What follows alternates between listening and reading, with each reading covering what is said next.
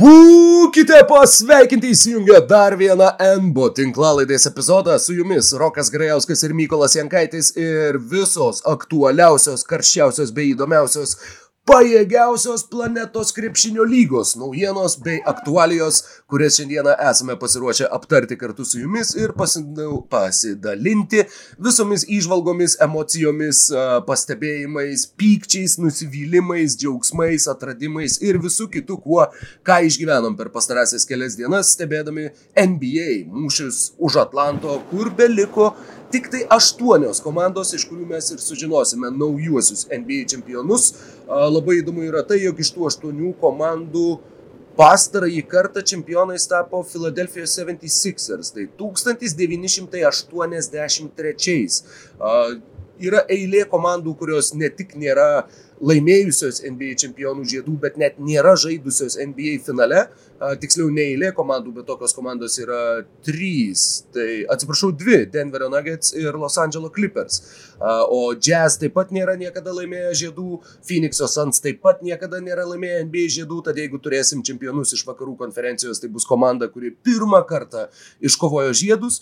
Na, o iš rytų taip pat minėjau, jog Philadelphia 83, Atlanta 58 laimėjo NBA čempionų žiedus, vedami Bobo Petito kaip, kaip The Three City Hawks, man rodos, tuo metu jie vadinos, kadangi jie žaidė per kelis miestus savo namų rungtynes. Ir taip pat turime Brooklyno Nets, kurie yra porą sykių žaidę finale, niekada nėra tapę čempionais. Ir taip pat, žinoma, turime uh, Milvokio Bucks, kurie pastarąjį kartą čempionais tapo 1971 su Karimu Abdul Jabaru, Oskaru Robertsonu, Bobu Dendridžu ir, ir kitais. Tad, uh, Mykolai, pasiekėm tą, dar negalime sakyti, jog finišo tiesėje, tačiau jau, jau atkrito 22 komandos, iš 8 turėsime čempionus, tačiau šitą epizodą kaip ir sutarėme pradėti nuo vienos iš komandų, kurie čempionais visgi netaps. Tačiau komanda, kuri sulaukė labai daug dėmesio Europoje, komanda, apie kurią mes kalbėjome ir iš uh, olimpinio atrankos turnyro perspektyvos, ir komanda, kuri septintose serijos rungtynėse, nepaisant Luka Dončičiaus 46 taškų, krito prieš Los Angeles Clippers ir baigė savo žygį ten, kur jį baigė ir pernai, tai yra pirmajame atkrintamųjų varžybų etape. Apskritai, pastaroji serija, kurią laimėjo Dallaso Mavericks, buvo labai labai seniai, kalbant apie atkrintamųjų varžybų serijas. Ar tik ne Vinco Carterio? Jie... Tas. Uh, taip, prieš Memphį, tai buvo 2014, ar ne? Berots 2014 metai. Sveiki klausytojai, beje, tikrai, tikrai galiu klysti, tikrai galiu klysti. Uh, dėl, dėl tos, bet, Šitą galėsim pasi, faktas, pasitikrinti kad, vardant šventos ramybės. Faktas, kad Elas Someveriks kaip ir trūksta sėkmės atkrintamosiose, bet aš manau, kad tai yra dar viena serija, po kurios, e, nepaisant pralaimėjimo, e, Dallaso Mavericks fanai turėtų būti e, tikrai įkvėpti, nes, na, nepaisant to, kad Lebronas tokio amžiaus, jeigu neklystų, Cavaliers jau buvo nuvedęs iki NBA finalų, jis iki, iki tų finalų ne, nežaisdavo, ne, nežaidė ne prieš vieną e, iš e, komandų, kurios pajėgumas būtų panašus Los Angeles Clippers. Ir iš tikrųjų, na, apie Luką Dončičių mes kalbėjom praėjusiai tinklalaidai, bet e, Rikas Karlailas, jisai visiškai išgelbėjo. Kaip juokiaus. Šitą, išgelbėjo šitą seriją, mano nuomonė, būtent tuo Marijanovičių sprendimu, kuris e, suveikė penktose rungtynėse ir iš tikro kėlė galvos skausmą ir toliau ir buvo tikrai sudėtinga Los Angeles Clippers gintis nuo būtent Bobano Marijanovičiaus. E, tiesiog Lukos ir jo pick and rollas e, kėlė labai daug žalos.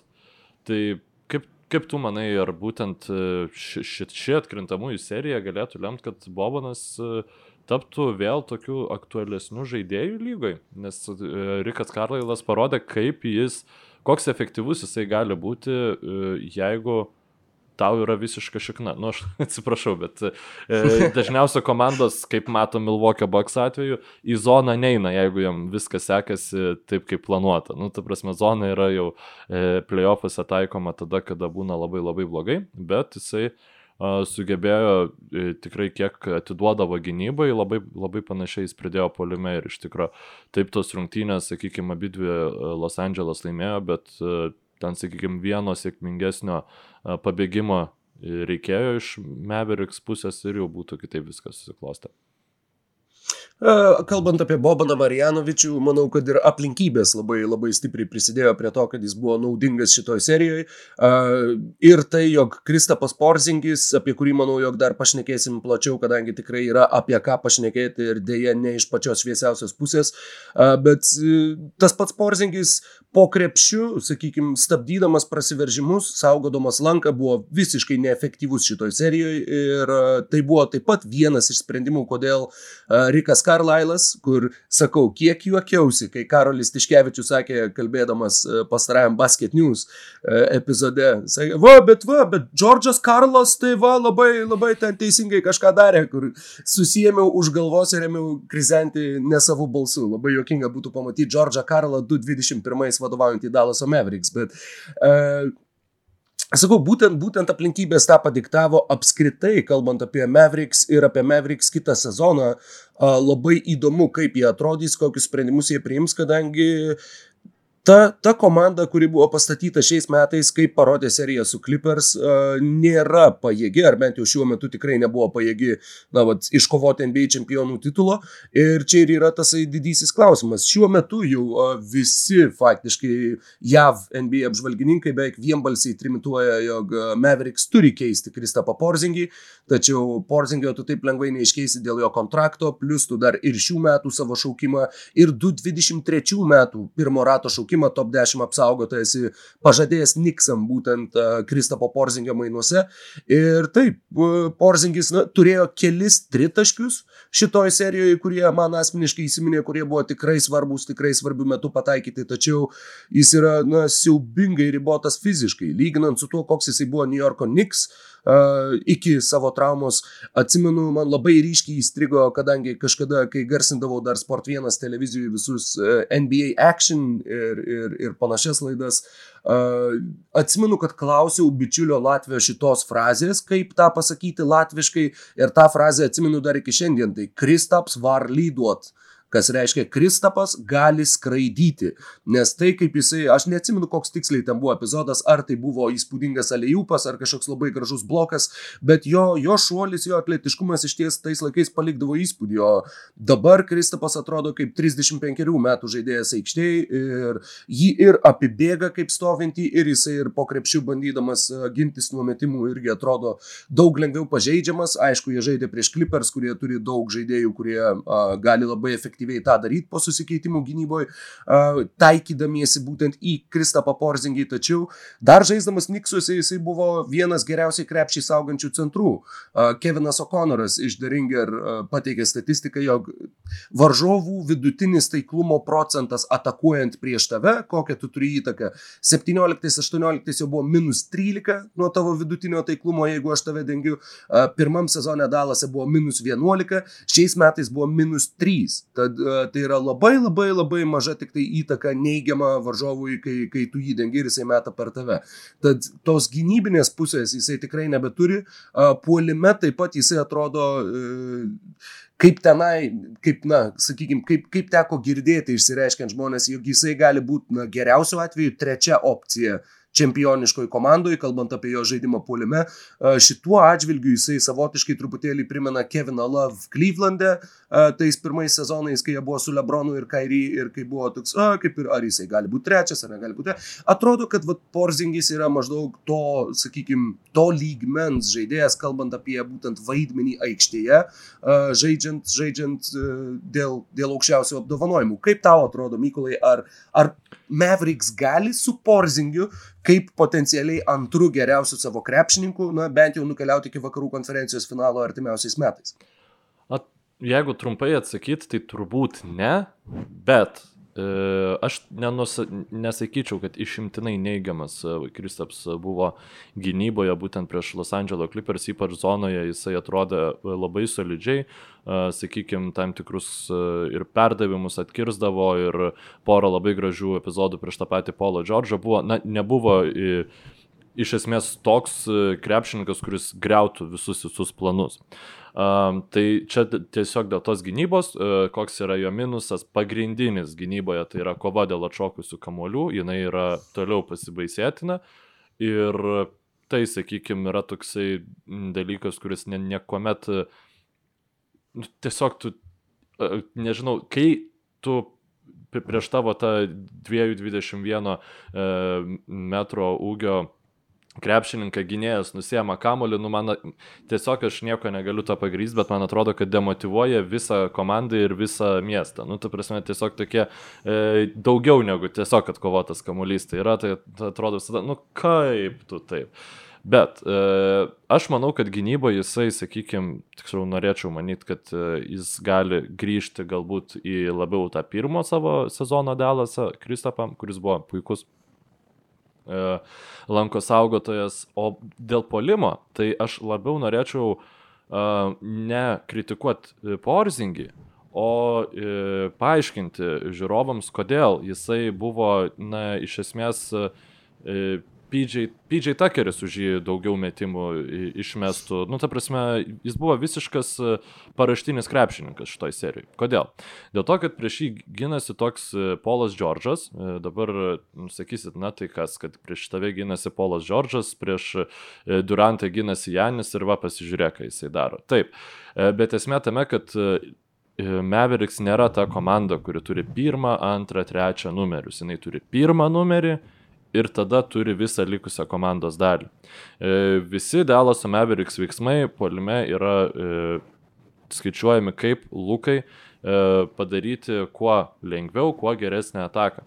Todėl, jeigu tu pasikvieti užtvarą statyti Kristapą Porzingį, tave vietoj Luka Dončičių, vietoj Kawhi Leonardo gins Polas Džordžas, nes jie keičiasi.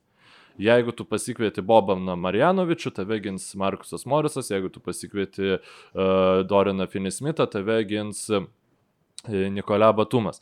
E, dėl to mes ir matom, kad Dorianas Finismitas, e, na tiesa, do, atsiprašau, Dorianas Finismitas iš vis Reggie Jacksonas gina, tai ten tada prisvičiai visi prasideda ir taip toliau. Bet dėl to mes ir matome visų tokių Smito matėm labai gerą mačą, Hardavėjus matėm gerą mačą. Pradžioje serijos buvo ir Max Klebero geros rungtynės, žodžiu, taip pat, na ir Marijanovičius tos rungtynės įspūdingas, nes dėl kažkokios priežasties Clippersai net ir paskutinėse rungtynėse, kai jau buvo kiekvienam mačia parodyta, kad na neveikia tas, neveikia, bet jie visiems dvigubindavo po, uh, po to pick and rollo, blicindavo Luką Dončičių ir nu, jisai visada surasdavo laisvą komandos draugą, tai dažniausiai nebūdavo Porzingis, nes prie jo vis dar būdavo Polas Džordžas. Uh, Tai čia bent jau kaip aš atsimenu, tai jokių būdų nesako, kad Kristapsas turėjo geras rungtynes, bet e, gerą seriją, bet jeigu, e, sakykime, šeštas rungtynes būtų Meveriksai pasiemę, e, e, tikrai būtų kas nors vat, padaręs tokią išvalgą, kad va, Porzingis daug taškų neįmeta, bet jis visą laiką e, laikė vieną iš geresnių perimetro gynėjų užimtą. Nu, arba kažkas panašaus, nes tiesiog jisai buvo sąmoningai neįtraukiamas į Dallas Mavericks komandos polimą. Tai um, aš nežinau, ar šitas argumentas e, gali pridėti vertės ar ne, bet uh, turint omenyje apie Kristapso mainus, aš nebejoju, kad dabar jį norėtų iškeisti Dallas Mavericks, nes na, tiesiog matos, kad iš jo galbūt e, stebuklų nesulauksi. Bet didžiausia problema, aš manau, vis dėlto būtų ne jo pasirodymas šitoje serijoje, jo bendrai sveikata, ar tu nepritartum tam? Jo, iš esmės taip, nes labai daug traumų ir sakau, dėl to jis šiuo metu ir yra. Nei jisai yra greitas, nei jisai yra šoklus, nei jisai yra stiprus fiziškai. Ir uh, tu tiesiog esi labai didelis kūnas su labai ilgomis rankomis, bet tave išnaudoti galima uh, būtent tavo gynybos pusėje daugybė įvairių skirtingų būdų. O kalbant apie tą gynybą prieš Porzingį, jo, jie keisdavosi, jie bet ką, jie Reggie Jacksoną statydavo prie Porzingio ir tuo atžvilgiu jisai yra labai išskirtinis aukštaūgis, kadangi komandos keičiasi nu, visiškai be jokios baimės prieš jį, nes jis nemoka žaisti nugarai krepšiai, jis nemoka išnaudoti savo ūgio prieš mažesnius žaidėjus, jisai neturi netgi masės, kurią galėtų tiesiog nusistumti ir susikurti savo poziciją. Jisai turi porą judesių, kuriuos jis visada naudoja ir tą, tą tokį karmelišką pažengiau į dešinę, prasisukau kamuolį per apačią, paleidau iš vidutinio nuotolio ir, ir gal dar porą judesių. Ir dėl to man atrodo, kad tikrai jį, jį išnaudoti yra lengva varžovams ir vat, tą, tą faktiškai ir matėm šitoj serijoje. Yra ir kitas žaidėjas, kuris mane labai nuvylė Dalase, bet prieš tai dar noriu paminėti, jog 4-2 buvo paskutinė Dalaso laimėta atkrintamųjų varžybų serija, tai buvo 2011 finalas prieš Miami Heat.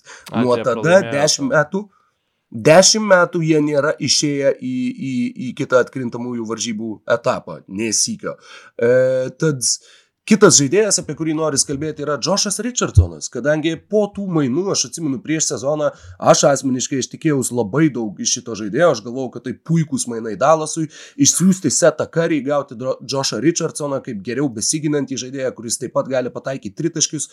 Šitoj serijoje prieš Clipperius jis žaidė vidutiniškai po 13 minučių, metė po mažiau negu 5 taškus, į žaidimo metė prašiau negu 40 procentų.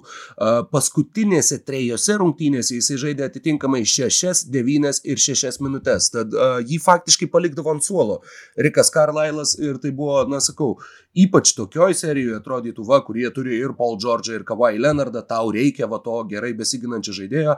Ir staiga paaiškėjo, kad Joshas Richardsonas nėra tas žaidėjas ir tai taip pat yra labai labai didelė, na sakykime, negali sakyti klaida, negali sakyti kažkokia, na, kažkoks blogas sprendimas, nes tai jau būtų ta irgi mm, žiūrėjimas su, kaip čia dabartiniu su, kontekstu.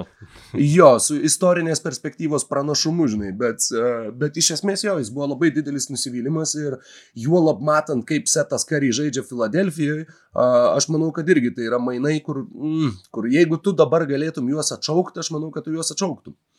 Penktas ir šeštas rungtynes pralaimėjo Mavericks dėl to, kad jų pagalbiniai krepšininkai um, ne, ne, atsiprašau, e, septintas rungtynės pralaimėjo dėl to, kad pagalbiniai krepšininkai na, nepataikė e, tų metimų. E, daug gerų metimų buvo. Tiesa, net ir penktosios rungtynėse, kurias jie laimėjo, irgi daug gerų metimų labai buvo nepataikyta.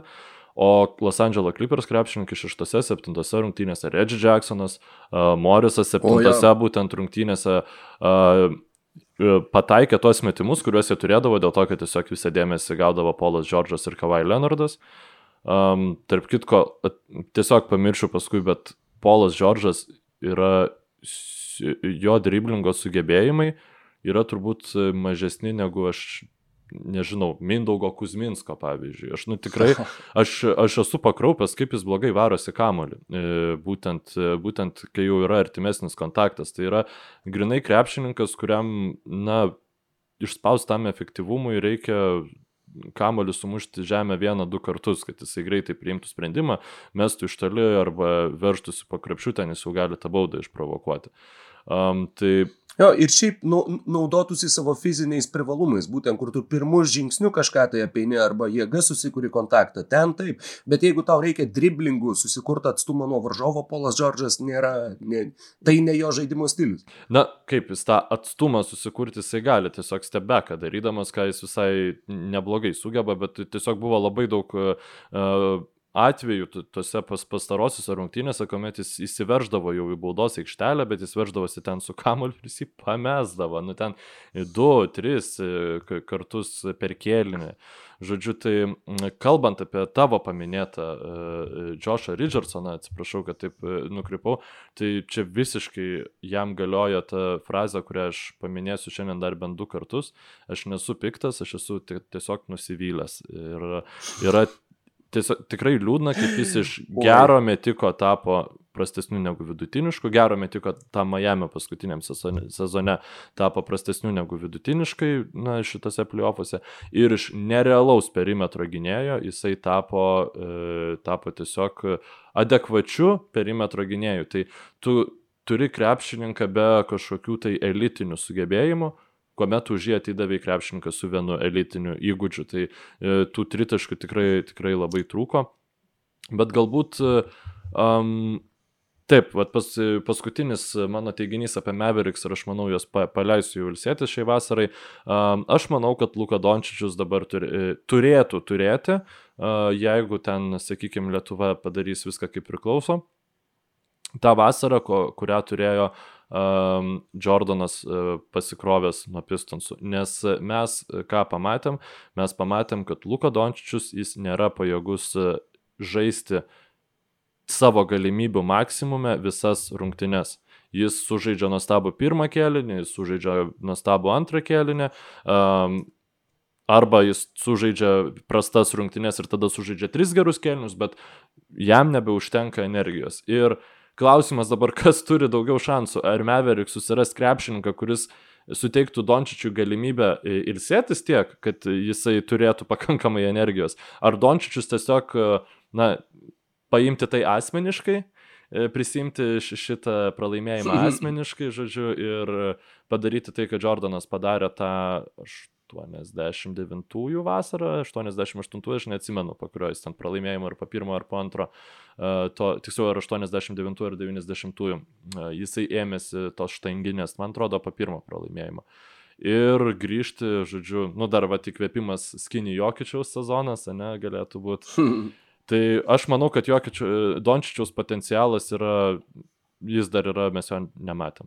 Mes, mes dar jo, nematėme realių. Jis bus MVP. Tai yra žaidėjas, kur tu, tu jį matai ir tu matai, kad jis bus MVP šitoje lygoje anksčiau ar vėliau, na, nebent tai irgi kažkokios sveikatos problemos neduok dievė, tačiau pagal dabartinį jo žaidybinę kreivę a, tai tikrai, tikrai yra išskirtinis, unikalus krepšininkas ir uh, labai negerai, mano manimu, kad jie gavo tose septintose rungtynėse, geriau jau būtų gavę anksčiau netgi, nes dabar jisai tikrai atvažiuos į Slovenijos rinktinę piktas ir, ir uh, norintis kraujo. Ir bus velniškai sudėtinga prieš jį žaisti mūsiškiams, bet uh, patiko irgi kolegų išsakyta mintis apie Joną Mačiulį, kad tas žmogus, kurio dabar reikia rinktiniai, čia ne, nereikia man to minėto, reikia Jono Mačiulio, kuris tiesiog, nu, vat, užknistų pagal visus geriausius lietuviškus, europietiškus vat, standartus, išvestų iš pusiausvyros ir, ir, uh, ir netgi dar vienas. Garliavos Markusas ats... Morisas.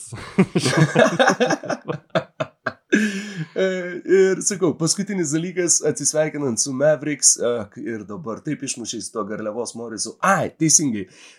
Baudų metimai. Luka Dončičius labai prastai metė baudas atkrintamosiose ir kiek tu manai yra, yra na sakykime, ne tai, kad realu, bet kiek tu pats jeigu būtum vyriausiasis treneris, teoriškai Lietuvos rinktinės, va, sunkiai einasi rungtynės, va, žaidžiam su slovenais tam finale, ar tu bandytum mušt luką ir siūst prie baudų metimo linijos? Netgi jeigu jis būtų prametęs 15 baudų tose rungtynėse, aš nemanau, kad e, būtų Nu, ta prasme, jeigu mes gaudinėtumėm, e, atsiprašau, jeigu laim, turėtumėm trijų taškų persvarą, tada taip. Galbūt netgi jeigu dviejų taškų persvara, tada taip, tegul jis sumeta abi dvi baudas ir mes tada turim galimybę, nu, nes, nes jeigu jis mes tritaškį, tai jis tikrai pataikys, ne?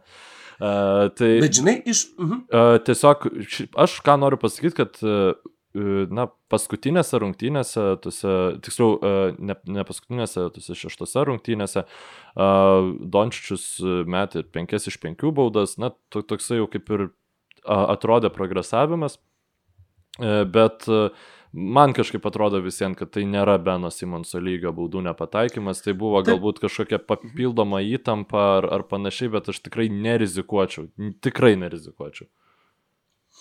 E, vienas dar dalykas, kuris dabar išnyra iš atminties iš to, ką tu šnekėjai prieš tai, kuris irgi iliustruoja puikiai tą, ką tu sakei. E, šitoj serijoje Dončičius pirmose kelinukuose vidutiniškai metė po 11, antrose po 10, trečiose po 8, ketvirtuose po 4 taškus. Tad tas būtent energijos išsikvėpimo lygis, netgi būtent statistinio produktivumo atžvilgių labai labai ryškiai matosi ir gali būti iliustruojamas skaičiais. Dėl ko aš svarstyčiau tą baudų tikimybę? Dėl jo emocionalumo. Ir dėl to, kad tu jį išmuštum iš ritmo. Nes jeigu tu jam leisi, jeigu tu matai, kad jisai va pasigavo tą, nes Slovenijos rinktiniai, va irgi išnekėjo kolegos, žinai, nu bet čia žaidimas kitoks, čia tai tu nežaisi taip, kad tu žaidi vienas, čia vis tiek Europą kokio velnio, ko tiem slovenam neduoti jiem kamulio kiekvienoje atakoje ir sakyti, Luka žais kem minučių ir vesk mus į olimpiadą. Ta prasme, nu, Sakau, man čia Nu, esmės- atrodo, kad e, ir plus pabaigiant tą mintį, sakau, būtent dėl emocionalumo ir dėl to, kad jeigu jisai vienas kuriasi viską, nu tai va ir viskas, tiesiog išmušti iš ritmo, nes jo nervai tikrai yra viena iš silpnųjų jo žaidimo pusių dabar. Ir tai yra va būtent, jeigu tu pastatysi Garliavos Morisą ir jeigu tu dar specialiai jį bauduosi, ten leisi kokius nors uh, trečiaplanius žaidėjus kaip Gintarą Krapiką, ten 80 kažkėlintais žalgeris specialiai tam, kad tu bauduotum varžovų lyderį ir jį išnervintum, aš manau, kad šitas visai dar, dar gali turėti, nu irgi įnešti kažkokį papildomą šansą, jeigu matysis, kad jo tikrai reikia. Mano nuomonė tai, kad siūsti krepšininką prie e, elitinę krepšininką, vieną geriausių jau dabar NBA krepšininkų prie baudų metimo linijos, remiantis tuo, kad jisai turėjo, sakykime, prastą tą seriją baudų metimų, na, būtų, būtų klaidingas. Aš, aš manau, kad Lie- Lietuva turi susitvarkyti su slovenais ir, ir be tokių taktinių sprendimų. Šiaip tai aš nepasakyčiau, kad Dončičius yra žiauriai emocionalus. Apart to, vad, baudų, sakykime, galbūt ne, nepastovaus metimo, uh, tiksliau gal ne tai, kad jis yra, uh, nėra emocionalus, bet jis nėra tas žmogus, kuris sudega emociškai. Nu, man tiesiog taip netrodo, aš, aš, aš nežinau. Vėl daug sykio esu sakęs, kad uh, man emo, uh, emociškai vertinti aš tuos krepšininkus galiu taip pat gerai, kaip bet kuris uh, butelinis ekspertas. Žiūrėdamas ten tas rungtynes, nu tiesiog visiškai jokio insight neturiu į tai.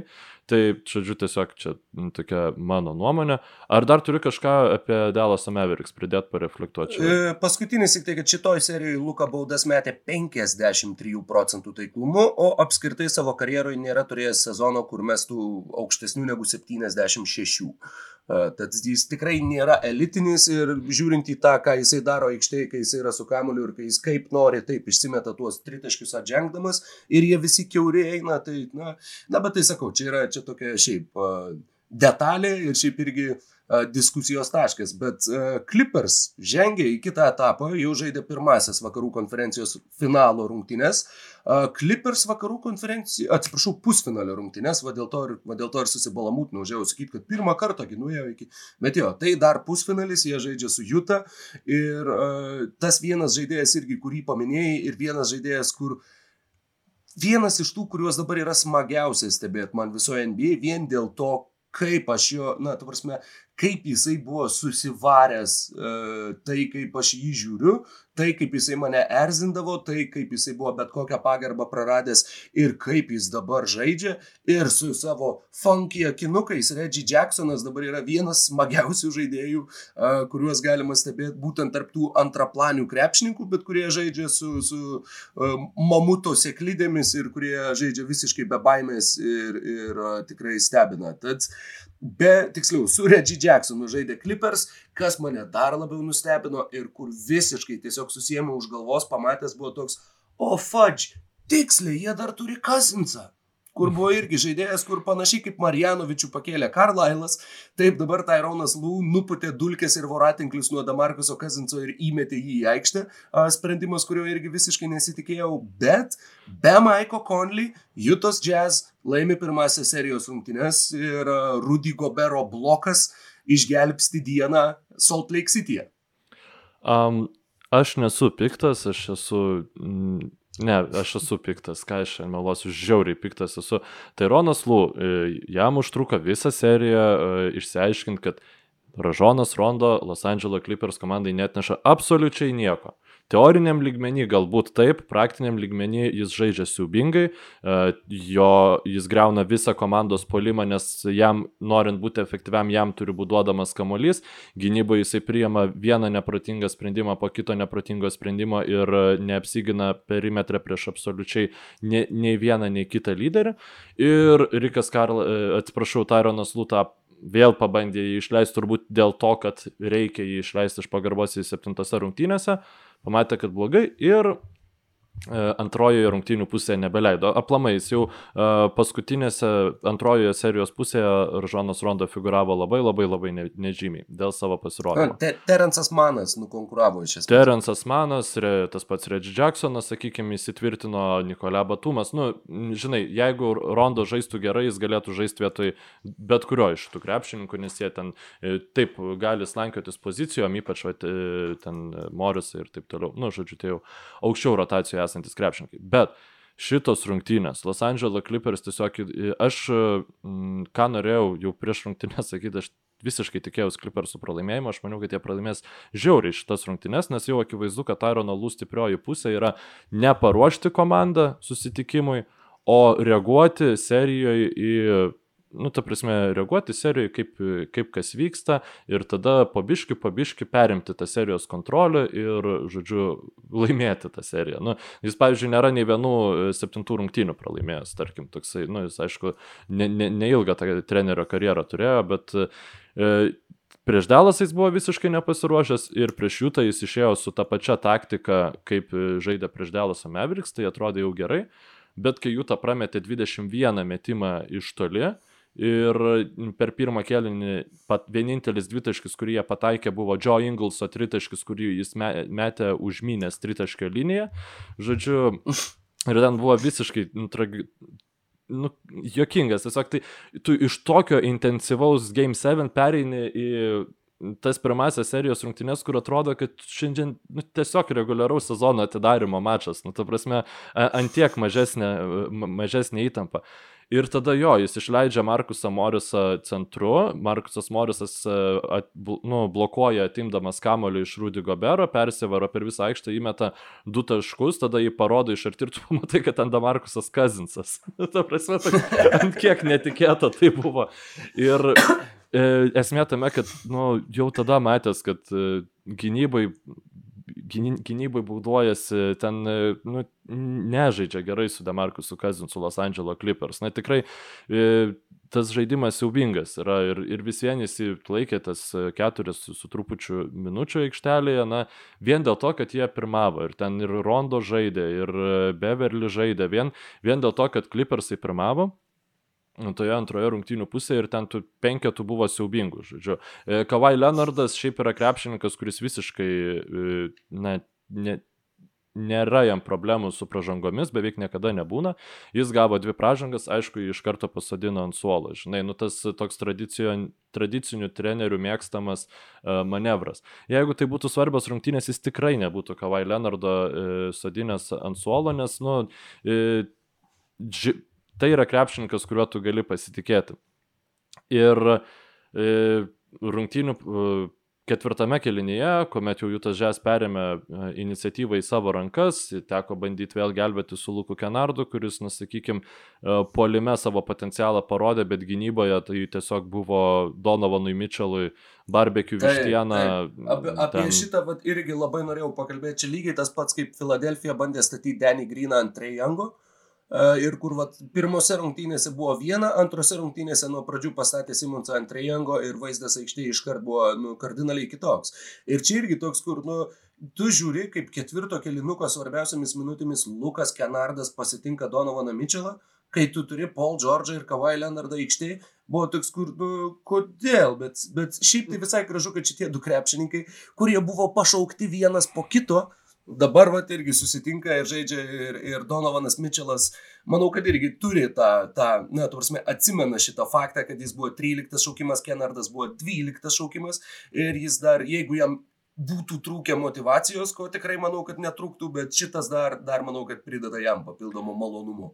Žaidžiant prieš Mitchellą e, ir tokius jūtas žestų ne, ne, negali leisti Luko Kenardo ir statyti Polo Džordžą ginti Mitchellą, nes tiesiog jisai išsikeis ir galiausiai arba sužais pick and popą su žaidėju, kurį gina Lukas Kenardas ir tada arba Mitchellas išmes laisvas, prasiveržęs pra, pra, prasiskverbdamas, jis tris kartus prasis, prasiskverbė tarptų dviejų, dviejų jį pasitinkančių krepšininkų, tiesiog tu turi išleisti penketą, kuris daugiau mažiau galėtų atstovėti prieš Donovaną Mitchellą susikeitęs gynybai, nes tu prieš Jutą, Jutai jie tik tai to ir nori, kad tu žaistum tradicinę e, įprastą pick and rollo gynybą. E, Memphis Grizzlies bandė žaisti tradicinę įprastą pick and rollo gynybą, matėm, kaip baigėsi ta serija. E, ir prieš juos šitaip tritaškus pataikančią komandą gerai, tu vat vieną pusantro kelionio gali tą laimės arklį jodinėti, bet galiausiai jis tave nusispardys.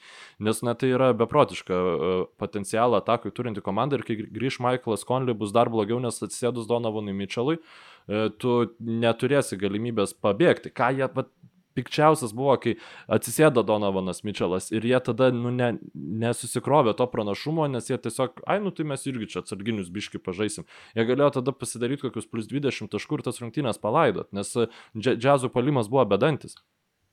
Tai e, Beverly per tas šešias minutės, kurias žaidė, Aš manau, kad jis nusipelnė antro šanso. E, tu prasme, prieš Mavericks jis buvo too fucking small, bet aš manau, prieš e, Donovaną Mitchellą būtent tas e, Beverly aktyvumas, e, kibumas, e, visiems Mitchellas, na, silpnesnis yra tikrai fiziškai negu Luka Dončičius ir Beverly už Rondo tikrai būtų geriau, um, už Luką Kenardą, na, priklauso jau kaip seksis kitiem krepšininkam. Aš nemanau, kad e, Leonardas ir um, Polas Džordžas dar sužais tokias prastas rungtynes. Nu, Polas Džordžas gali būti, bet Kavai Leonardas, man atrodo, tiesiog jam šiek tiek reikėjo ir poiliuso daugiau šitose rungtynėse. Jo, ir žaidė 3-6 minutės. Yra ir dar vienas dalykas, jie buvo prieš kiek, prieš dvi dienas žaidė septintasias rungtynės, kai Jūta turėjo daugiau polsio. Dabar tas jėgų rezervas apsilygins, kadangi tu jau žaisi vienodais intervalais ir, ir niekas tų papildomų polsio dienų neturės. Tai manau, kad šitas faktorius irgi prisidėjo prie to, kad Jūtai ketvirtam kilinukė buvo lengviau negu kliperiam šitose pirmose rungtynėse. Jo, ir man atrodo, kad Tyronas Lewis labai norėjo Zubatsui Rondo, Kenardui duotų daugiau minučių, šitose rungtynėse saliginai ir dėl to, nes, na, galbūt aš galiu pamatyti, kaip jūs galite būti naudingi šitoj serijai. Toks iš momentais atrodė, kad jis tiesiog, žinai, meta į sieną tos krepšininkus ir žiūri, kas prilips.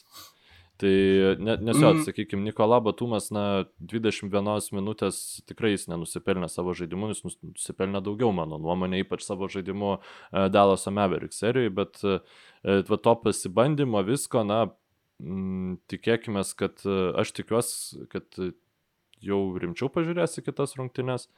Ir aš vis tiek laikyčiau Clippersus favoritais šitoj serijai ir aš laikyčiau juos vieninteliais realiais kandidatais laimėti prieš Bruklino Nets. Nu, aš net nežinau dabar, ar galima sakyti, kad kažkas turi šansų laimėti prieš Bruklino Nets. Aš nežinau, ar tu turi kažką papildyti ties šitą seriją, ar galim keliauti. Ne, toliau. ne visai, aš, aš irgi tau pritarčiau ir tos pirmos pralaimėtos rungtynės, manau, kad tikrai nėra tragedija Los Angeles Clipperiam, juo labiau, kad jie pamatė, kad jie žaisdami prastai, nes tikrai tai nebuvo jų geras rungtynės, pralaimėjo trijų taškų skirtumų. Ir taip, Jūta buvo be Conley. Ir irgi žaidė prastai. Siena, Taip, bet na, manau, kad, kad bent jau kažkiek tai to savotiško optimizmo komandai turėjo pridėti. Plus, Tyronas Lūva dabar jau galės atkirpinėti tuos nereikalingus krepšininkus, mažinti jų minutės, didinti reikalingų krepšininkų, ar tiksliau šitoje serijoje naudingų krepšininkų minučių skaičių. Ir, ir matysim, matysim, kaip viskas klostysis. Ar dar pamatysim Bugi ir Rondo kaip senais laikais aikštėje, lygiai kaip Sakramente, lygiai kaip Nauja Morleane. Ir, ir na, sakau, laukia, laukia labai labai įdomi serija, mano manimu. Uh, Juta šitose rungtynėse mane, sakykime, negaliu sakyti, kad pilnai įtikino, bet uh, pakėlė savo akcijas mano akise ir uh, būtent iš to užsivedimo ir būtent iš to komandiškumo. Tuo atžvilgiu jie turbūt yra panašiausiai pernykščius Miami Heat, uh, kur kai žiūri, atrodo, jog sudedamosios dalys atskirai paėmus nėra uh, jų suma tokia didelė kaip to, kokia šita komanda yra ir kaip ta chemija dar pakelia bendras, bendras lubas. Matysim, ar tos lubos bus pakankamos, kad komanda sugebėtų eliminuoti tikrai, tikrai tau pritariu favoritus Los Angeles Clippers. Na, e, Royce Anilo problema, jisai iš e, nulio, iš trijų tritaškių pataikė nulių šitose rungtynėse ir um, vėlgi mes dabar kalbam taip, lik mes imam konstantą e, neginčiamų faktų dalyką, na jau Taronas Lū išsiaiškino, kas gali žaisti ir kas negali, bet aš bijau, kad jis, nu, vėl bandys, tik tai galbūt vis tie mm, šansų suteikimo intervalai jie sumažės, nu, aš taip e, norėčiau tikėtis, bet um, manau, kad reiktų pasyviau gintis prieš Royce O'Neillą. Aišku, Royce O'Neillas yra krepšininkas, kuris tą pasyvesnę gynybą išnaudoja uh, kovoje dėl atšokusių kamolių. Ir pavyzdžiui, tose rungtynėse jis keturis e, kamolius atsikovojo polime labai reikšmingus. Uh, ir žinoma, labai viskas priklauso nuo to, kokios formos grįž Konli, nes jeigu jis grįž toks, koks jis buvo prieš Grizzlius, tai, sakykime, talento balansas jisai tampa kur kas lygesnis negu jis yra šiuo metu. Tai vat, būtų, būtų tas labai įdomu. Ir ar iš vis turi kažkokius šansus Seržas Ibaka. Nes Kazinsas teoriškai buvo leistas dėl to, kad jis gali pastovėti prieš Favorsą, prieš Rudy Goberą ir jis tuo pačiu gali praplėsti aikštę. Žodžiu, nu, bent jau teoriškai, ten aišku, tas vienas. Jo, jis jo. pataikė vieną. Jo, jo, jo, dieve, ir pataikė.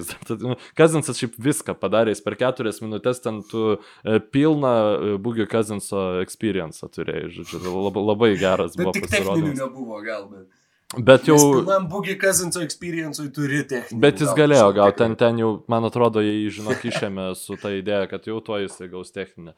E, nes ten buvo jo pražanga polime, tada iš flopas, po kurio e, išprovokuota pražanga polime, bet e, tada ta pražanga polime pavirto pražanga gynyboje ir dviem taškais ir dar viena bauda, žodžiu, nu ten tikrai per, per keturias minutės pasireiškia labai reikšmingai.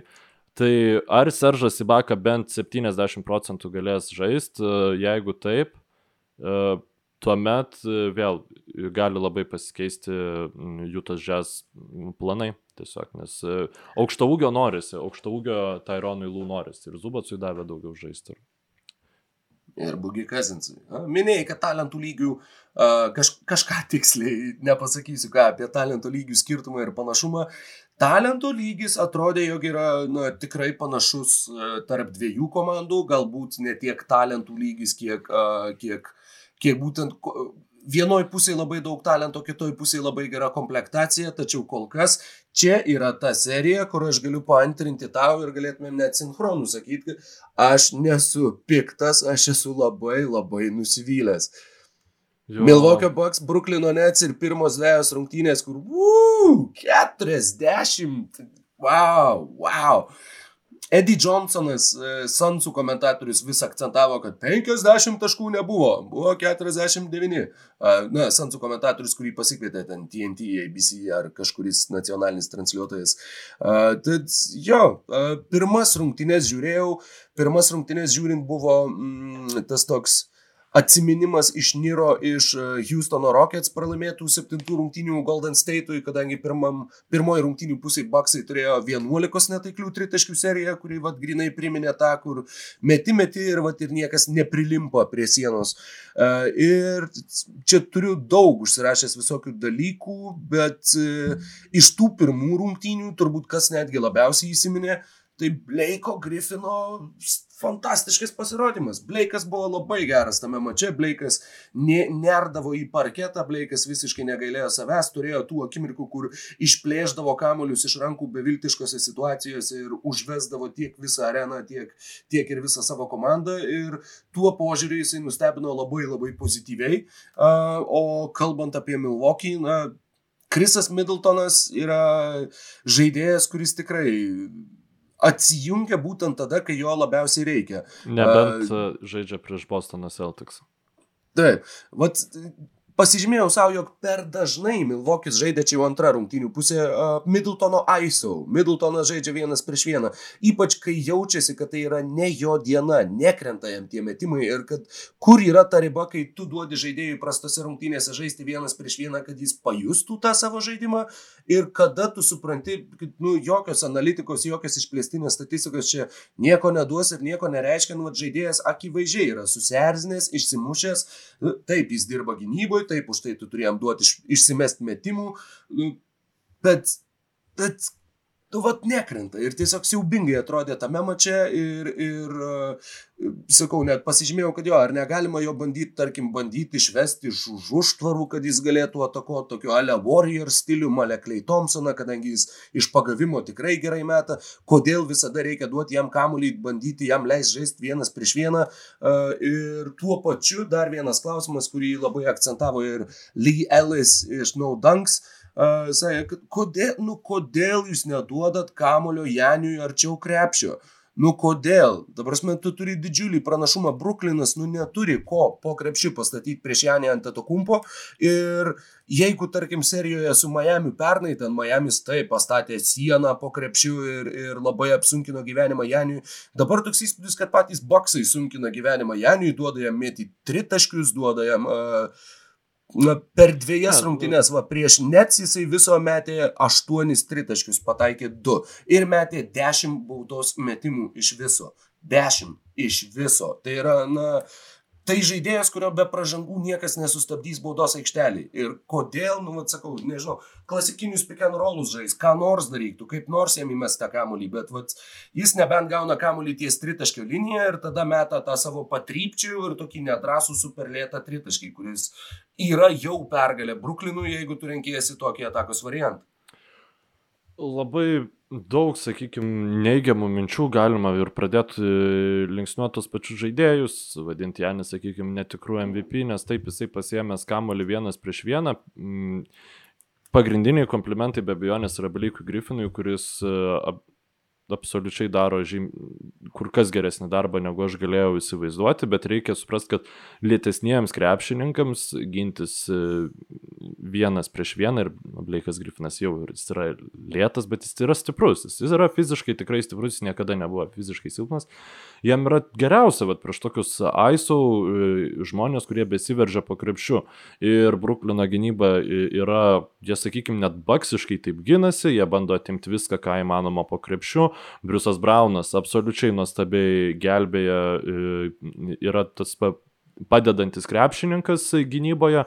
Apskritai, Briusas Braunas, e, po to plačiau kalbėsime apie Bruklino net kitus krepšininkus, bet jo užtvaros yra kaip tokio dydžio krepšininkų yra superinės. E, čia, nežinau, reiktų išsiimti tų screen assist statistiką, bet tai yra, e, nu, centro lygio užtvaros statomos ir jos yra tokios efektyvios, nes jis labai greitai jas bėga pastatyti, e, nu, žodžiu, ir labai greitai gali nubėgti atsidengti tritaškį, paleisti. O Briusą Brauną, jiemsgi buvo primokėta, kad jie gautų Briusą Brauną, reikia šitą prisiminti vasarą. Arba jie gavo nu. visiškai nemokamai. Nu, ta prasme, čia yra labai geras įimas. Bet grįžtant prie uh, Milwaukee Bucks, aš galbūt nesakyčiau, kad taip jau išimtinai nebando Janis verštis ten po to krepšiu, bet uh, pagrindinė problema yra ta, kad nu, mes nematėm, ypač antrose, gerai, pirmos serijos rungtynės, nu tau nepaėjo, nustebino Bruklino gynybą, uh, ten KD su Kairi išdarinėjo stebuklus, bet mes antrose rungtynėse nepamatėm, ap, aš bent jau neižvelgiu absoliučiai nieko. Uh, nieko, kas mane e, privers pagalvoti, a, nu, okei, okay, va, čia jau yra kažkoks dalykas, kuris e, tu matai, kad gali veikti. Nes pavyzdžiui, Taironas Lūva Išsikvečiam uh, Kawhi Leonardą prieš zoną, uh, baudos aikštelį, uh, ties baudos liniją, duodam jam kamuolį ir tada arba jis padarys taškus, arba mes atsilaisvinsim. Ir taip jie laimėjo seriją. Iš esmės su, su šitu papildymu. Jokio absoliučiai derinio, kažkokio įdomesnio sprendimo, kaip Janiui gauti kamuolį po krepšiu. Arba kaip išnaudoti lėtesnės Blaiko Griffino kojas, ar taip ar žaidžiant tą patį rollą, kur Janis būtų po krepšių besileidžiantis žmogus, mm, ką tu ir minėjai, aš nemačiau ir viskas Taip galbūt Janį kritikuoti yra smagiau, bet aš vis dėlto manyčiau, kad po šitos serijos tikrai Maikas Budenholzeris net čia yra paskutinėje serijoje. Jeigu, jeigu nepadarys dar... stebuklą kažkokio, bet Jo, jo, bet jau atrodo, kad Baksų pergalė būtų stebuklas šitoje serijoje. Uh, ir, ir mm, sakau, čia dar turiu visą susirašęs didžiulę pastraipą, kur tiesiog buvo rent rungtynių metu apie tai, kad, nu, Middletonai nemėtyktų tų metimų, nu, povelnių, jeigu, nu, tu matai, kad nekrenta, atsimes kažkam, kam. Bet kam, kam, jis, kam jis atsimestų, nes bet tai niekam tai, absoliučiai nu, tai, nekrito. Niekas absoliučiai. Jo, bet tai. Middletonas šitoj komandai yra žmogus, kuris, kuomet komandai neveikia tas jos įprastas polimas, jisai daro taškus. Nu taip yra šita komanda, e, taip jinai funkcionuoja. Ir čia parodo trenerio neišmaneliškumą, tiesiog laikytis tos pačios taktikos abiejose rungtynėse. Ir sakau, tas rungtynės pirmas žiūrėdamas net su pykčiu savo užsirašiau, kad va, žiūrėk, liko dar beveik keturios minutės, o jau visokia tanasė aikštė jau garbage time, nes jūs jau pralašėt.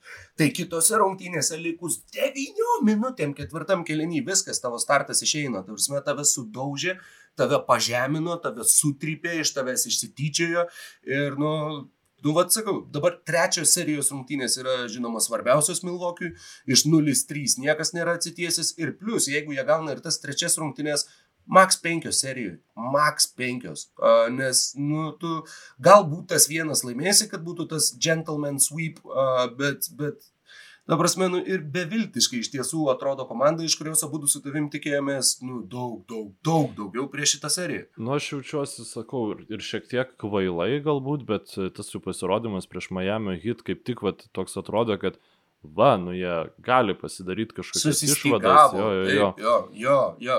Aišku, čia galbūt parodo, kaip mes to krepšinio neišmanom, nu, bet skaudžiausia, kad komanda, e, tai taip, kad jūs praleisit 125 taškus nuo Bruklino, nes tai čia, nu, to buvo galima. Buvo tikėtis. aišku, Aišku, seriją, aišku, tas 125 taškai būtų dar daugiau, jeigu Milvokis būtų normalų funkcionuojantį polimą turėjęs, nes tiesiog tada, jų atakos greičiau klostytųsi, nes dabar jie tiesiog nu, prisivaro ir jie neįsivaizduoja, ką daryti. Tai čia e, vienas iš šitų sprendimų būtų susitvarkyti gynybą prieš Brukliną, ko jie, nu, aš, aš nežinau, tu neįsivaizduoju, kaip tą būtų primenu, galima padaryti. Jamesas Hardenas žaidė kiek 11 sekundžių šitą E, 40, 48. 40. Nu, Dėl ko aš šiaip... atsiprašau, e, kiek keturgubai daugiau. dėl ko šiaip tikrai man yra liūdna, ten gali, galima juoktis, kad e, va, Durantas ir Irvingas, kokios problemos, vis jie nelaimės viską. Man dzin, aš, aš noriu pamatyti, kad prieš Bruklino Nets, kad ir, tai jeigu jie ir su šitais laimės viską, tai nuduokit tada dar Hardeną ir aš noriu pamatyti e, komandą vakaruose finale, kurie nu, darys viską, kas tik įmanoma, kad prieš tai apsigintų ir galbūt kažkas pavyks. Gal ir. Bet tikriausiai ne, nes Kevinas Durantas fucking įrodė, kad jis yra Um, jis yra kito lygio krepšininkas ir tai tikrai yra, ta prasme, aukščiausios, aukščiausios lentynos e, žmogus. E, Sakykime, taip kaip jis atrodo polime yra absoliučiai neįtikėtina ir jo, e, lažintis prieš komandą, kurios du krepšininkai gali absoliučiai bet kada išsimesti e, geresnį negu 50 procentų metimą, nesvarbu, kas prieš juos ginsis ir kaip ginsis, yra, labai, yra labai naivu ir čia aš buvau, na, panašu, kad labai neteisus, bet uh, tas skaidys sugebėjimas, dievė, antrose rungtynėse 18, 18 tik tai metimų išmetė.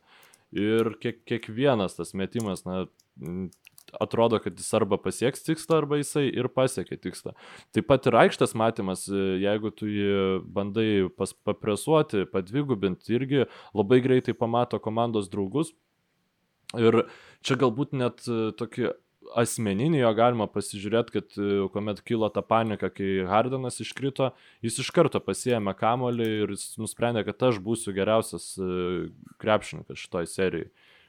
Tai yra mano asmeninė atpildo arka ir niekas jūs negalvosit, kad čia kažkoks karis, kažka, kažkokie warriorsai man tas žiedų sukrovė. Aš pats dabar pasidarysiu. Nu, ta prasme, tikrai toks, jis žaidžia taip gerai, kad net atrodo, kad bet, bet kas kitas šalia jo irgi žaistų gerai ir čia yra jis tas žmogus, kuris padaro visus kažkaip geresnius. Nu, turi tą Yra- aurą.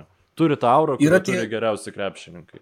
Tie neįtikėtinas uh, statistikos irgi, irgi perlas yra, jog šių metų atkrintamosiose varžybose kol kas Kevino Duranto 90 procentų visų mestų tritaškių buvo contested arba uždengti, žodžiu, buvo prie tavęs prie pat žaidėjas, tau kėlė ranką į veidą, jisai iš tų visų uždengtų tritaškių pataiko 50 procentų. Čia Tai yra, yra faktas, kad tu, tu esi neuždengiamas. Jeigu Ir- tave dengia, tau visiškai nusišikt, kad tave dengia, tu meti 50 procentų taiklumu tritaškius su Iš- ranka į veidą.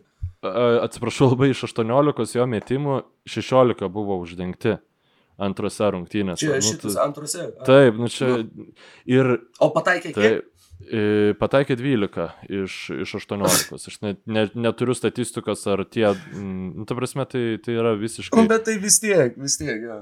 Ir PJ Tuckeris nėra lavonas gynyboje. Janis ant, ta prasme, PJ Tuckeris, Janis ant atakumpo, Drew Holiday, tai yra trys skirtingo tipo, a, puikus perimetrą besiginantis krepšininkai ir prieš visus jis tiesiog darė, ką norėjo. Nes aš galvoju, kad kai Drew Holiday pasakė, nu gerai, va čia gal žinai tas atvejis, kai auk- aukštesniam bičiui žemesnis stiprus e, gynėjas, va trukdo kažką ir panašiai Nope. vienodai.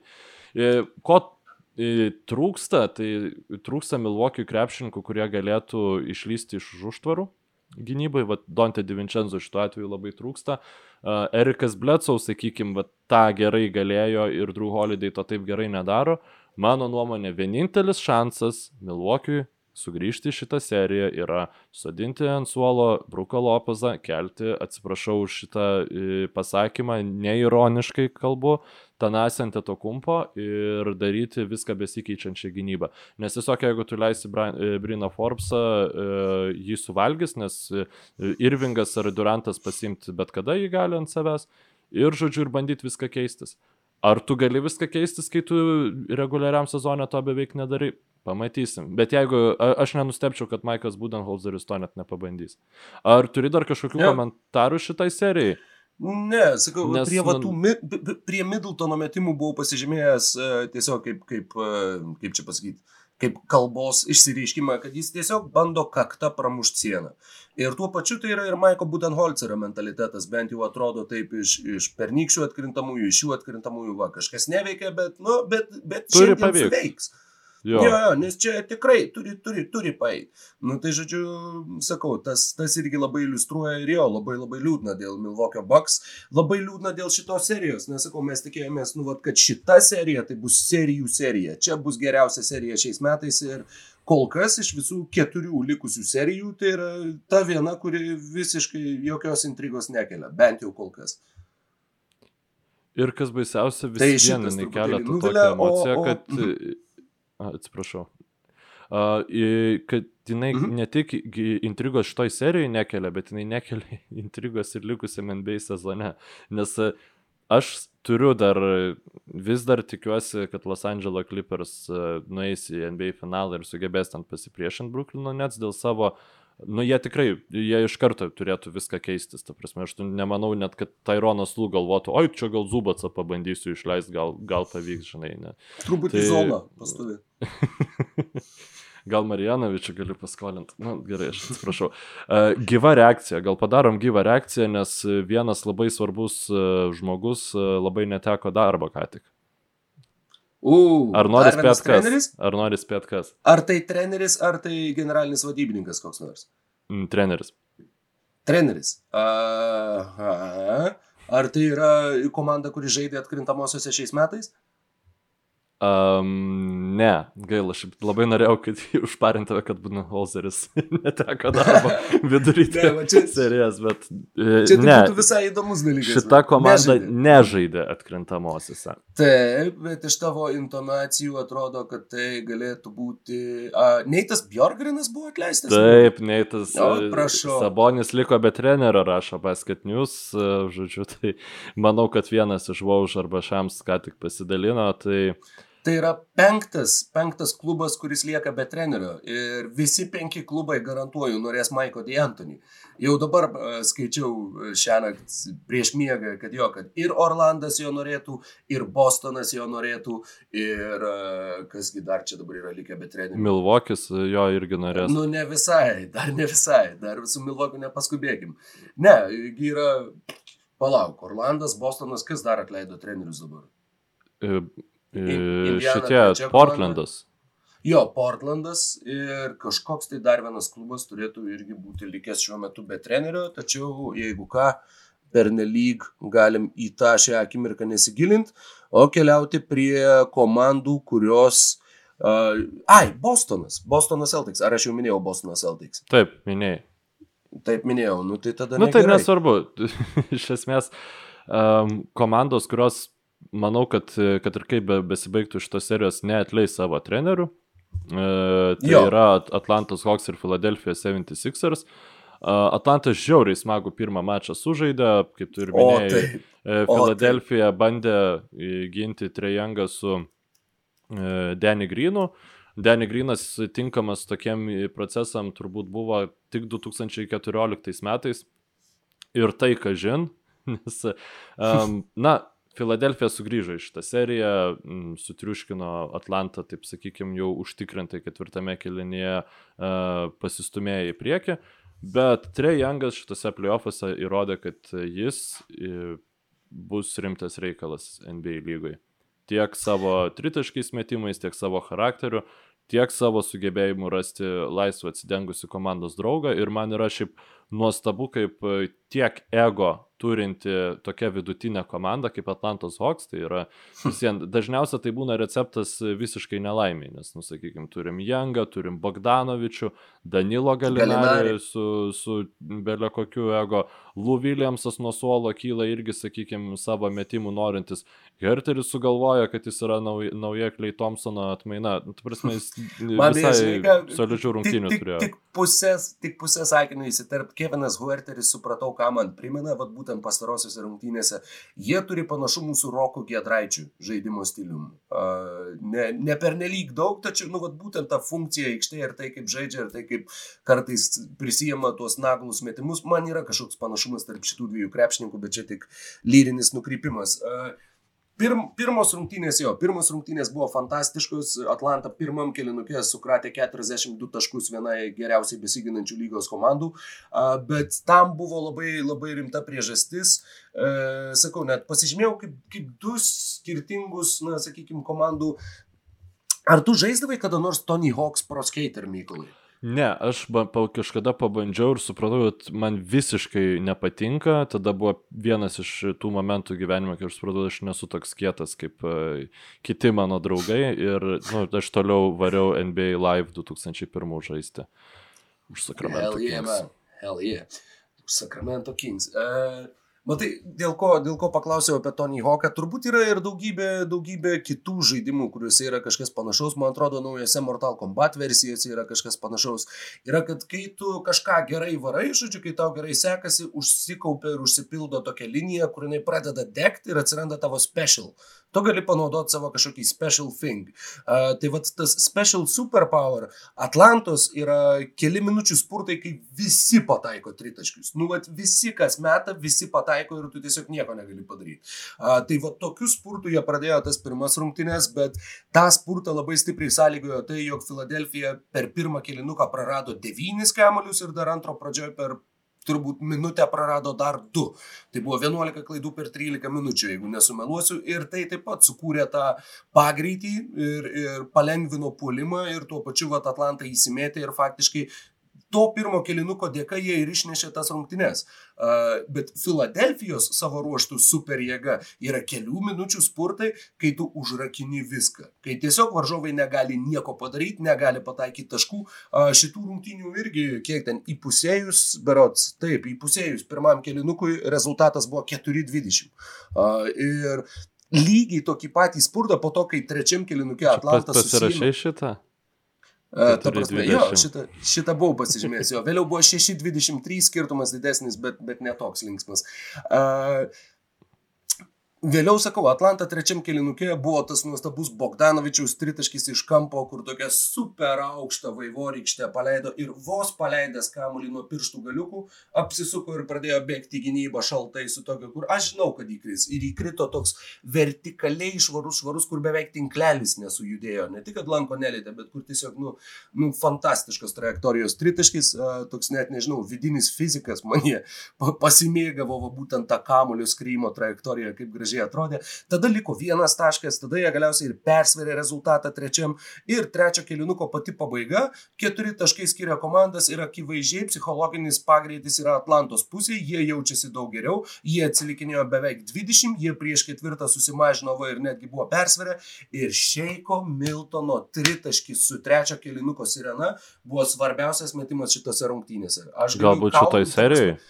Galbūt netgi ir šitoj serijoje, ką gali žinot, priklausomai nuo to, kaip serija klostysis toliau, bet tai buvo, nu, vad, kur labai aiškiai tiesiog perlūžo rungtynės. Ir tada Filadelfija išėjo ant bangos ketvirto pradžioje. Ir uh, to paties ketvirto kilinuko uh, Sužaidus 2, 2 minutės ir 15 sekundžių, Šeikas Miltonas pataikė dar vieną tritaškį ir tada skirtumas jau buvo plus 18.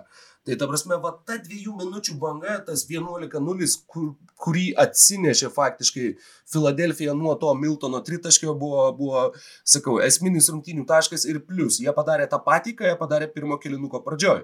Jie lygiai taip pat užrakino visiškai e, Atlantą, kuri visiškai negalėjo rinkti taškų ir iš to irgi atsiranda ir greitos atakos, atsiranda ir pasitikėjimas ir tada varžovai pradeda dust patys nuo savęs ir, ir uh, būtent tas lūžis va tada ir, tada ir įvyko. Tai sakau, šiaip tai labai labai įdomi serija, bent jau kol kas Atlanta mane labai džiugina iš tos pusės, kad, nu, taip, mes šnekėjom prieš serijos pradžią, kad ypač jeigu Embidas nebus veikas, tai tada Atlanta čia netgi gali ir laimėti šitą seriją, bet dabar jo, nors Embidas labai sveikas. sveikas. Ir... Jo, ta prasme, gerokai sveikas. Uh, Ir, ir nepaisant to, na taip, va, tas ketvirto kilinuko spurtas, jo, nulėmė rungtynes, tada rungtynių galutinis rezultatas atrodo, jog čia tos intrigos netiek daug ir te buvo. Šeiko Miltono tritaškis trečio kilinuko pabaigoje. Jeigu ne tas metimas, tas ketvirtas kilinukas dar galėjo susiklostyti ir į vieną, ir į kitą pusę labai labai drąsiai. Taip, taip, aš tiesą atsikėliau būtent ant antros rungtynių pusės, tai pamačiau tą spurtą Atlantos, kur tikrai toks atrodo, nu, Jo, jie, jie tikrai, tikrai neprameta ir tada, kai jau vieną kartą prametė e, ir tada, nu, jau buvo aišku, kad e, rungtynės yra paleistos. Kas dėja gavo traumą, apie ką mes nepakalbėjom prieš tai, nes dar man atrodo gal nebuvo ir žinoma, tai Hunteris. Hunteris, kuris jo. Absoliučiai nuostabiai atrodė e, prieš New Yorko Nixus, tu prasme tikrai atrodė kaip atsigavęs krepšininkas, galbūt uh, žaidė pernelyg aktyviai ir ta trauma sugrįžo. Jam jo nepaprastai reikėtų šitoj serijai, nes tada galbūt nebereiktų simuliuoti Salomono Hilo minučių aikštėje ir būtų galima tiesiog jau žaisti su tą gerą. Saliamonas kalva pirmose rungtynėse buvo labai geras, negali sakyti. Na taip, bet pavyzdžiui, šito ir šit, šitam čia jau matėsi, kad na, jeigu galėtų, tai ir tų 8 minučių jo nebūtų buvę, bent jau, bent jau man taip atrodo. Bet uh, Aš manau, kad prieš Žuelį Embidą vis dėlto reikia gintis labai paprastai. Yra Klintas Kapela, jis vienas prieš vieną prieš Žuelį Embidą e, ginasi geriau negu 95 procentai lygos centrų, blogiau negu patys geriausi, jis neapsigins prieš Žuelį Embidą, bet jūs visi irgi neapsiginsit prieš Žuelį Embidą, jis visiems to savo taškus pasidarys. Žuelis Embidas yra toks krepšininkas, kuris visiems norės išmesti vidutinį, metimą iš vidutinio, iš tritaškį, jis tai taip e, labai mėgsta varijuoti savo metimus ir kartais nu, jis pra, prameta juos, jis e, labai no, jis, retai jis pri, turi tas... Savo 23-25, pavyzdžiui, kad tam jisai būtų, nu, kas nors tokio nesveiko. Jis, jis prie savo mėsos, kurią ėdo baudos aikštelėje, mėgsta dar įmaišyti bulvių iš vidutinio nuotolio ir truputį salotų iš tritaškio. Ja. Taip, tai ir tiesiog e, būkite įstikinę, kad karė negaus laisvų tritaškų, kad Tobias Harrisas negaus patogių kirtimų į baudos aikštelę, kad Benas Simonsas negaus trijų metimų, kuriuos išmeta šiose rungtynėse. Na, e, žodžiu, mm, jo, reikia tuo e, tiesiog, manau, kad tai būtų vienintelis būdas jiems sėkmingiau e, gintis prieš Filadelfiją, nes Klintas Kapela, sakyčiau, mane nustebino labai labai pozityviai. Apie šią seriją kaip ir neturiu daugiau nieko. Jo. Apie Klintą kapelą tik noriu pridėti vieną sakinį, uh, nu gerai, ne vieną sakinį, vieną pastraipą. Uh, apskritai Trejango šitie sklandytuvai veržintys į baudos aikštelę ir tuo pačiu uh, šituose dunker spots arba dėjikų taškuose prisiparkavę kapelą ir Collinsas yra uh, irgi na, labai labai svarbus Atlantos polimo ginklas ir jie jį labai gerai išnaudoja. Ir tuo pačiu, man kažkaip bežiūrint rungtynės iškilo atminti čia prieš keliarius metus, 2018. Jo, e, yra tekę imti interviu iš Donato Motijūno ir su juo kalbėtis ir kažkaip būtent apie Klintą Kapelą atsimenu, kad jisai sakė, kad Klintas yra tobulas puolimo partneris Jamesui Hardenui. Jam nereikia duoti kamuolį, jam tik tai jeigu kavo pakabinai kamuolį, jisai įkrovė. Ir va būtent Youngui jisai irgi tinka puikiai. Ir, ir tai irgi yra ta sinergija, kuri veikia labai gerai. Ir plus, nu, dar vienas epizodas. Vienas geriausių šio sezono epizodų buvo pirmų rungtynių pabaigoje tas alėjūpas Johnui Collinsui su Embido bauda kuris padėjo tašką rungtynėse. Aš žiūrėjau jo. su mama ir draugė trise šitas rungtynės ir mes visi trys rėkėm po to epizodo, nes jis tikrai buvo labai labai įspūdingas. Bet šiaip apie tą rungtynių pabaigą reiktų šiek tiek e, priminti žiūrovams, kas tai buvo, nes tai buvo nežinau, nukritimas e, krepšininkų sugebėjimų. Toks vaizdas, kad uh, Lebronas Džeimsas su savo filmavimo grupe Space Jam nusprendė dar kokį ten papildomą e, klipuką nufilmuoti, prasuko pro, pro areną ir su Monsters atėmė visų tų krepšininkų talentą, nes ten buvo siaubinga.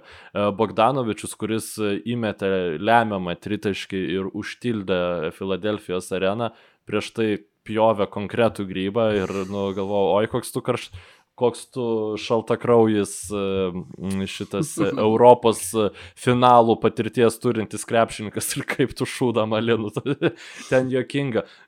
Herteris iš vis e, ten e, tas jo bounce pasas per visą aikštę ten irgi buvo visiškai netyčia, nes prieš tai jis nesugebėjo kamulio išsimesti iš už aikštelės ribų ir ten buvo, nu, tu, tu matai pas žmogų visa drąsa tiesiog e, su paskutiniais e, oro lašais išeina ir pasilieka nieko plius, kito, tik tai baimė, žodžiu. Tai yra faktas, tai yra Filadelfija. Ir tai buvo tas scenarius, kurio, va, Filadelfija gavinėjo vos ne ant 30 rungtynių pabaigoje lipa lauk ir jau rezultatas apylygis.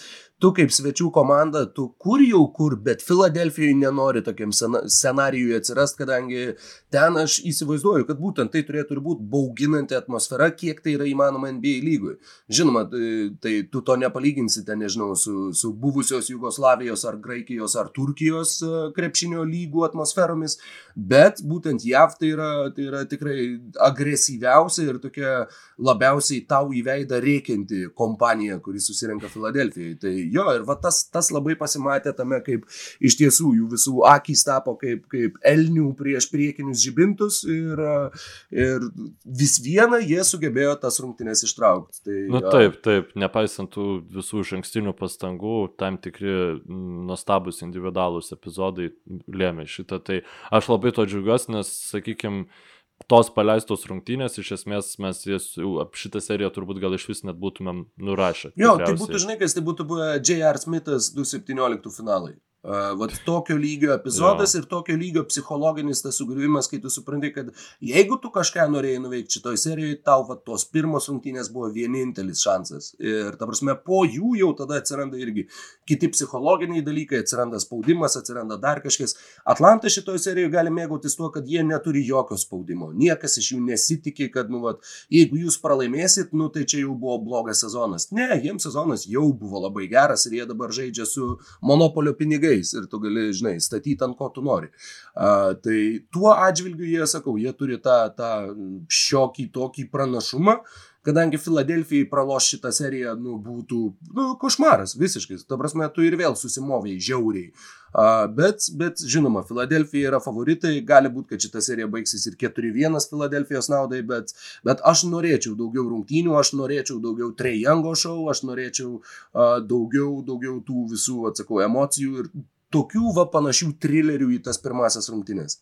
Jo, ir nepaisant to, kad mano šiaip ta visa nu, lietuviška, mm, lietuviškas pradas, jisai lyg ir skatina mane palaikyti uh, Atlantą kaip uh, mhm. underdogus ir aš ne, neslepiu uh, savo simpatizavimą Triangui ir visai tai kompanijai, bet, uh, na, tiesiog būtų, jeigu jau laikantis tos idėjos, kad aš neatsiemu savo prognozę ir atsiprašau Bruklino ir perkeliam jau juos į tą finalą, kur nu kol kas atrodo, kad tikrai jie ten turėtų žaisti.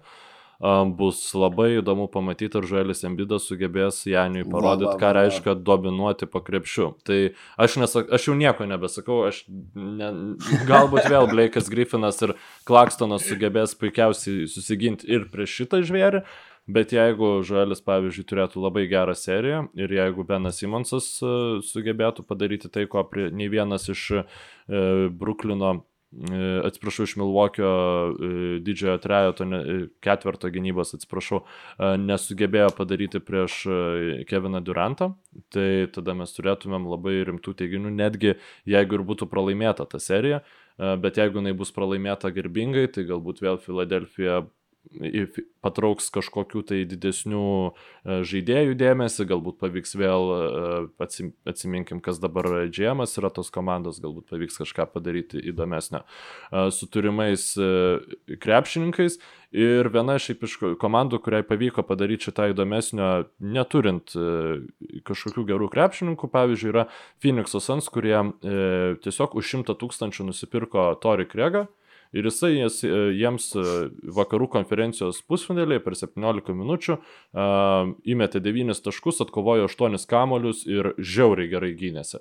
Tai, vat, pavyzdžiui, kaip čia visiškai situacija, kuomet one man's trash is another man's bargain. Mm -hmm. Tai nu, mes ant Phoenix'o ant suolo turim tokių labai daug, mes turim uh, Kregą, mes turim jo, mūsų apšnekėtą Cameroną Peiną. Tai uh, Phoenix'o Suns pakankamai užtikrintai įveikė Denverio Nuggets, nepaisant jų sėk, sėkmingos pradžios. Toje, tose pirmosiose rungtynėse jūs klausotės įrašo jau įvykus ir antrosiom rungtynėm. Um, nežinau, Rokai, galbūt norėtum spėt, kaip tas antros rungtynės susiklostys. Norėt nenorėčiau, bet kad jau paklausai, tai uh, Antrose, manau, kad antros rungtynės baigėsi paskutiniu metimu ar paskutiniais metimais, bet intriga laikėsi iki pat pabaigos antrose rungtynėse. Ir kas Bukeris ar Porteris jaunesnysis ar Jokičius? Nenoriu tau suspoilinti, žinai. A, gerai, gerai, ok. okay ne, ne, bet Jokičius, Jokičius e, patraukė pačioje rungtynių pabaigoje. Šiaip, e, iš, jeigu de, iš Denverio Nuggets e, stovyklos reikėtų žiūrėti kažkokiu tai na, mm, šviesesnių niuansų. Tai bent jau pirmosiose rungtynėse Fakundo Kampaco atrodė labai solidžiai ir mm, potencialo poli, paga, padėti Jokičiui turintis žaidėjas. Tikrai, na, sėkmingai labai pradėjo tas rungtynės Fakundo Kampaco, tačiau Phoenix'o Suns jau pilna jėga sugrįžęs Krisas Polas, Devinas Bukeris, kol kas atrodo per didelė jėga mm, Denverio Nuggets e, gynybai. Ir be abejonės mes turim Deandre Eitoną, kuris e, na, šitose rungtynėse iš esmės tiek pagal box skorą, tiek pagal bendrą vaizdą jisai beveik nieko nenusileido Nikola Jokičiui. Tai jeigu tai bus tendencija, tai mes galim turėti ir svypą šitoj serijai. Nes šiaip pagrindinė visai, problema. Visai, uh, visai susijokiau iš minties, kad žinai, va, Deandre Eitonas laimėjo atkrintamųjų varžybų seriją. Trejangas laimėjo atkrintamųjų varžybų seriją.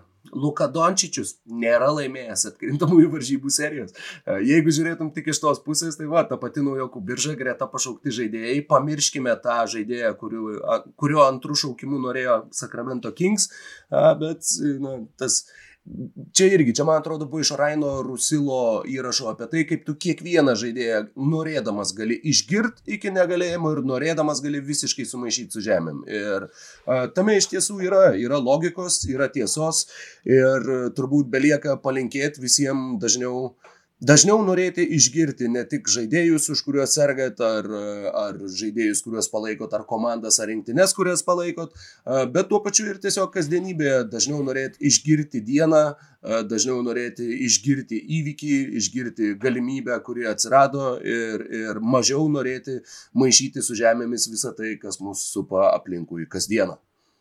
Ačiū Rokai už gerą palinkėjimą, ačiū klausytojams už tai, kad mus įsijungėte. Ir Gero krepšinio ir sėkmės. Dar noriu pa pasakyti ir palinkėti visiems ne tik gero krepšinio, bet ir gero futbolo, nes už o. dviejų dienų prasideda Europos čempionatas nuo mūsų laiko, jau, jau rytoj prasideda tuo laiku, kai jūs klausotės ar žiūrite šį šį epizodą ir va dabar va baigęs šį mūsų pokalbį sėsiu toliau skaityti apie Danijos ir Suomijos futbolo rinktinės ir apie kitas futbolo rinktinės, kadangi artimiausią mėnesį man NBO tinklalaidės ir NBA naktinį žiūrėjimą teks derinti ir su vakariniu futbolo žiūrėjimu beigi komentavimu LNK televizijos eteryje, tad susiklausysim su visais ne tik prie oranžinio, tačiau ir prie juodai baltai languoto kamulio. Ir tikiuosi, kad bus labai labai smagu, kadangi papasakojau viską taip atrodytų labai kasdieniškai, nors iš tikrųjų mano vidinė emocija užsipisęs jau būtum. skamba. Toks. Jo, bet iš tikrųjų tai cypiu iš laimės ir mano vidinis septynmetis apskritai šoka nesustodamas va, pastarąsias, nežinau, tris savaitės ir laukdamas su, su tiesiog isterišku entuzijazmu ir isteriška laimė to, to kas va, laukia jau visai neužilgo. Europos man atrodo, čempionatas, sekite, sekite mus. Ir tavo išorinis 30 metais nekartą suklikė ir, ir pašoko šitas naujienas. Gal išgirdęs. kartą, gal kartą, žinok. Man atrodo, ap, apsėjau su vienu, bet, bet, bet dalis manęs tikrai vis dar žvygauja ir, ir nežinau, kada nustos, turbūt tik tai po finalo. Tai kurias rungtynės bu, bus pasveikinti klausytojai e, žiūrėdami? E, pi, pirmąjį kartą bus pasveikinti su rungtynėmis Danija, Suomija. o vėliau laukia, laukia ir visų, visų, ta prasme, daug, daug tų rungtynių tikrai komentuoja. Tai Danija, Suomija, du, o toliau. Du komentatorių duetai, jo. Buvo vienos rungtynės, kai persižiūrėjau grupės, kur galvojau, o šit, va šitų tai norėčiau, va šitų tai labai norėčiau ir kai gavau grafiką, tai pirmas dalykas, tai žiūrėjau ir galvojau, jas, yes, gavau Angliją, Škotiją, baby, the old enemies. Ai, bus labai labai smagu ir, ir sakau, labai žiauriai laukiu ir, ir manau, kad netgi, nežinau, priklausomai nuo klausytojų ir žiūrovų intereso, gal galėsim skirti tam po porą minučių kiekvienoje tinklalaidai ir kažkokiem įdomiem, įdomiausiem futbolo įvykiam. Bet vis viena NBAS tęs savo, savo bent jau kas savaitinį egzistavimą jūsų e, Spotify ir jūsų YouTube ir jūsų visur kitur, kur tik tai mūsų klausot ar mūsų žiūrit. Ir nebejoju, jog NBA sezonas taip pat uh, laukia dar labai labai karštas ir dar tikrai turėsim apie ką pakalbėti. Taip, ir aš nebejoju, kad e, Hebra, kuri atsisveikina su savo klausytais 15 minučių, sugebės 10 min per 2 minutės paliesti visiškai kitą, visiškai kito sporto turnyrą. Tai su šita... Jo, gal geriau ir nereikia. su šita ambicija aš norėčiau su jumis... Ambicija, naujas žodis. Penktą kartą atsisveikinti ir e, gerų rungtynių palinkėti. Sėkmės. Visiems laimingai.